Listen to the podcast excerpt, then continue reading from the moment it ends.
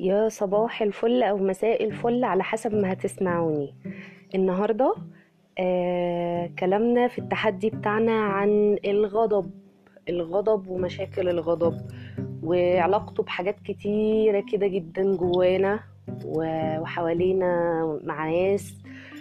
يعني هنشوف كده إيه هو الغضب. النهاردة في البودكاست ده إن شاء الله هشرح يعني إيه هو الغضب. وهقول في الآخر أول ميشن لأول يوم للتحدي. آه إيه هو الغضب؟ خلينا نقول ومتفقين من الأول كده إن أي فكرة هتيجي دلوقتي في دماغنا عن الغضب سواء كانت عياط صوت عالي آه سواء كان عياط ندم حزن بعد الموقف اللي عصبنا آه سواء كان آه شتيمة صوت عالي زعيق بعد الموقف ابتسامة عريضة كده آه وسكوت بعد برضه الموقف اللي عصبنا. كذلك الأمر الطريقة بقى الرابعة سواء بقى إحنا ناس حكيمة وبنحاول نتملك أعصابنا. كل ده للأسف مش غضب. مم، أمال الغضب إيه هو؟ الغضب شعور. خلينا نقول إن الغضب ده من الشعور الأساسية اللي حطها بلو تشيك وهو بيعمل عجلة اسمها كده اسمها عجلة المشاعر.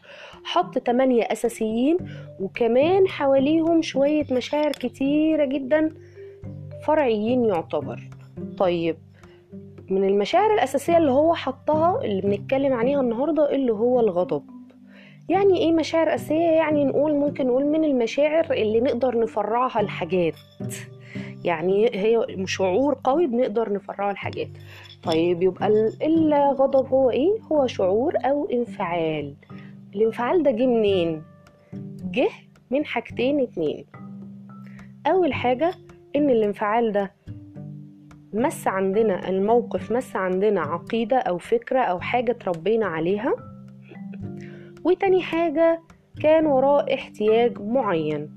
طيب آه يعني الموقف لما حصل نضرب مثال الموقف لما حصل أثر علينا أو ضرب عندنا في حتتين يا احتياج عايزينه عندنا يا إما إيه فكرة عندنا أو اعتقاد أو حاجات اتكونت عندنا من مرحلة الطفولة والشباب ومن خبراتنا يعني الشخصية وبناء عليه بنتصرف.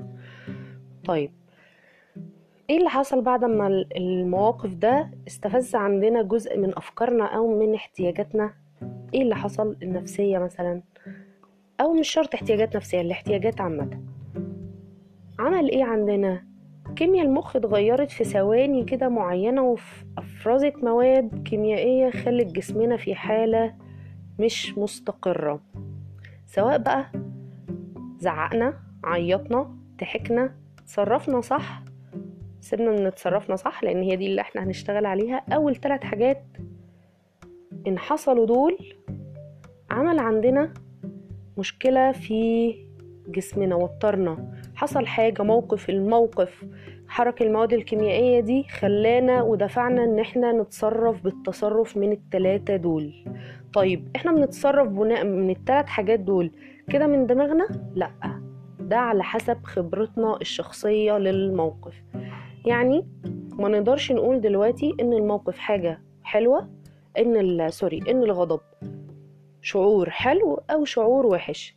متفقين إن مفيش حاجة اسمها شعور إيجابي وشعور سلبي أو شعور حلو وشعور وحش. الشعور ما هو إلا شعور.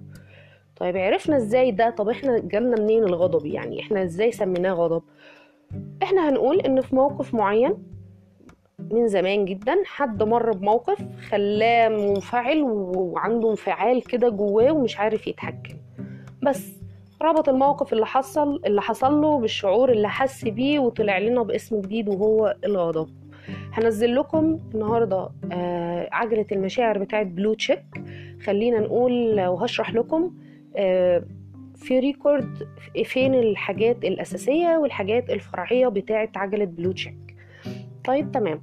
النهاردة أول mission وأول واجب لينا ليوم النهاردة وهي لا إحنا ممكن نخلي ال mission نخليها عن على الجروب أفضل آه، بحيث إن الريكورد هنا ما يطولش. أتمنى إن المعلومة الصغيرة دي تكون فادتكم. مش هطول عليكم كل يوم حاجات صغيرة زي كده. ونتقابل تاني على خير بالليل.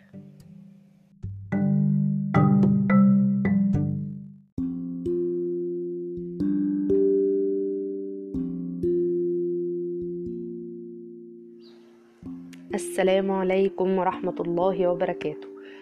صباح الفل أو مساء الفل على حسب ما هتسمعوني أكيد هتسمعوا مني الجملة دي كتير جدا يعتبر ده الإنترو بتاع البودكاست بتاعي يعني.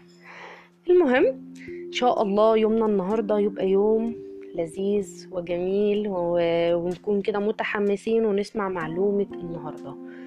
معلومة النهاردة ما ينفعش ما نقولهاش. مش معقول نكون بنتكلم عن الغضب وبنتكلم عن إزاي نعالج الغضب وما نجيبش سيرة اسم الله الحليم. في الأسماء أسماء الله الحسنى في اسم من أسماء ربنا عز وجل اختص بيها نفسه وهو اسم الحليم. الحليم. إيه يعني إيه الحليم؟ آه الحليم بكسر الحاء بكسر الحاء لا فتح الحاء. وهو الشخصية اللي بتأجل العقاب يعني هنتصفها بالله عز وجل هو تأخير العقوبة آه، عن الأشخاص ال- اللي يستهلوها. يعني إن مثلا أخطأنا ونستحق الجزاء ولكن ربنا حليم يعني يصبر علينا بصبر جميل كده وحلم في الموضوع يعني إيه تمهل كده. لعل وعسى ربنا إحنا نستغفر ربنا و... و... ونرجع عن الخطأ اللي عملناه فربنا يعفو عنا. الله يعني هناخد بقى الفكرة دي ونعممها كده ما بيننا. يعني حد يكون غلط فيا أو حد استفزني أو حد استفز احتياج من احتياجاتي اللي اتكلمنا عليها الحلقة اللي فاتت أو استفز فكرة أو عقيدة معينة عندي وأنا هكون حليم معاه. لعل وعسى يعرف خطأه ويجي يعتذر لي؟ هي حاجة زي كده فعلا وهي مش حاجة سهلة وإلا ما كان ربنا عز وجل اتصف بيها يعني سمى بيها نفسه الحليم. هنقول قصة كده صغيرة قرأتها في كتاب لدكتور مصطفى آه، دكتور مصطفى؟ مصطفى إيه؟ مش فاكرة اسمه تحديدا مصطفى حسني بالظبط في كتاب اسمه عيش اللحظة. كان بيقول قصة آه، إن نبي من الأنبياء وبصراحة هو مش ذاكر الاسم إن نبي من الأنبياء رأى عب- عبد من العباد بي بيعصي ربنا فدعا ربنا إنه يهلكه. يعني النبي دعا على العبد ده ان ربنا يهلكه. فسبحان الله ربنا استجاب لدعوته آه وأهلك العبد ده فعلا. العبد ده أهلك في وقتها. فبعديها بحاجات بسيطة برضو لقى شخص تاني بيعصي ربنا فدعا ربنا عز وجل إن هو يهلكه. من ال... من كتر ما هو يعني تخيل لما يكون حد بيعمل حاجة غضب وع- و... و... ومضايقاك قوي وزي ما قلنا مستفزية مبادئك هنا واللي هو أنا بقول لكم اعملوا الحق وروحوا لله عز وجل. وهو برضو لأ بيعصي ربنا فاللي هو من غضبه دعا عليه. تمام؟ فربنا عز وجل قال إيه؟ لا. فلو أهلكت كل عاص ما تركت منهم أحدا. يعني ربنا سبحانه وتعالى لو عاقب كل حد بذنبه مش هي مش هيخلي حد على الدنيا. ولكن يؤخرهم حتى يتوبوا. يعني ربنا بيصبر الصبور والحليم والحليم هنا خلينا نقول إن هنا في. في عقاب أو في حاجة هتحصل في جزاء هيحصل ولكن مش دلوقت في معاتبة هتحصل للموقف وفي تحليل للموقف وفي آه هسيب فرصة للي قدامي وأسيب فرصة لنفسي. وبعد كده هيجي العتاب وبعد كده هيجي العقاب لله عز وجل لما مع عباده ولكن هيأخرهم لحد لما يتوبوا. يعني ربنا عز وجل وإحنا يعني شرف لينا إن إحنا نتصف بصفات إلهية زي ال- ال- الحلم أو باسم الله الحليم. آه، إن إحنا نتصف بس بصفة زي كده إن إحنا نهدى شوية نعيش بس مع الاسم حبة. نكون عندنا حلم يكون عندنا حلم. بيقولوا جملة كده إنما العلم بالتعلم وإنما الحلم بالتحلم. يعني تمارس ده تمارس التعليم هتتعلم تمارس الصبر هت... هتصبر هتمارس اسم الله الحليم هيكون عندك الصفة دي هتكون هادي. نكمل قصة النبي آه، في يوم من الأيام. تمام؟ جه واحد للنبي لأحد الأنبياء يعني سأله يا أيها النبي كم أعصي ولا يعاقبني رب العالمين؟ يعني أنا عايزة أعصي ربنا أعصي قد إيه؟ وربنا عز وجل مش هيعاقبني. راح ربنا أوحى للنبي ده يقول له للعبد أنت عبد على الذنوب مقيم. ده ده ربنا عز وجل ألهم النبي يقول ده للسائل. أنت عبد على الذنوب مقيم وأنا رب لطيف حليم. فانظر ماذا تفعل وماذا يفعل الله سبحانه وتعالى. يعني شوف ربنا قال إيه؟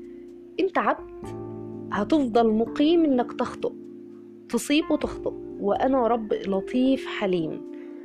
يعني سبحان الله ربنا عز وجل آه بيقول لنا أنا حليم عليكم. وما دام ربنا سبحانه وتعالى قال على نفسه إن هو الحليم يبقى إحنا لينا شرف إن إحنا نحاول نتصف بالصفة الإلهية الجميلة دي. وإن إحنا نصبر مش صبر بس صبر مع حلم صبر مع هدوء صبر مع عتاب هيجي للموقف اللي ضايقنا وتحليل للموقف. هناخد من وراه أو هنعلم ال- اللي عمل استفزنا في الموقف ده هنعلمه حاجة وإحنا هنتعلم معاه حاجة مع الحلم. ما نكونش مندفعين لرد الفعل وإلا ربنا عز وجل كان قادر إن هو يدينا رد الفعل على طول العقوبة مع الذنب ولكن ربنا حليم لطيف علينا. آه ربنا سبحانه وتعالى هختم بالآية دي بيقول ولو يؤاخذ الله الناس بما كسبوا بما كسبوا ما ترك على ظهرها من دابة ولكن يؤخرهم إلى أجل مسمى. فإذا جاء أجلهم فإن الله كان بعباده بصيرا. صدق الله العظيم ودي سورة فاطر الآية 45 حط الآية دي في دماغنا آه ونحاول دايما نفتكر اسم الله الحليم. الحليم مش هيضيع حقك الحليم آه هيجيب لك حقك. الحلم عامة هيجيب لك حقك بعد الموقف بعد ما نناقشه ونحلله وده اللي إن شاء الله هنحاول نتعلمه مع بعض. في التشالنج بتاعنا. أتمنى المعلومة تكون فادتكم وأتمنى لكم يوم كله الاتصاف بالصفات أو الاتصاف باسم الله الحليم. وأتمنى لكم يوم جميل. في رعاية الله مع السلامة.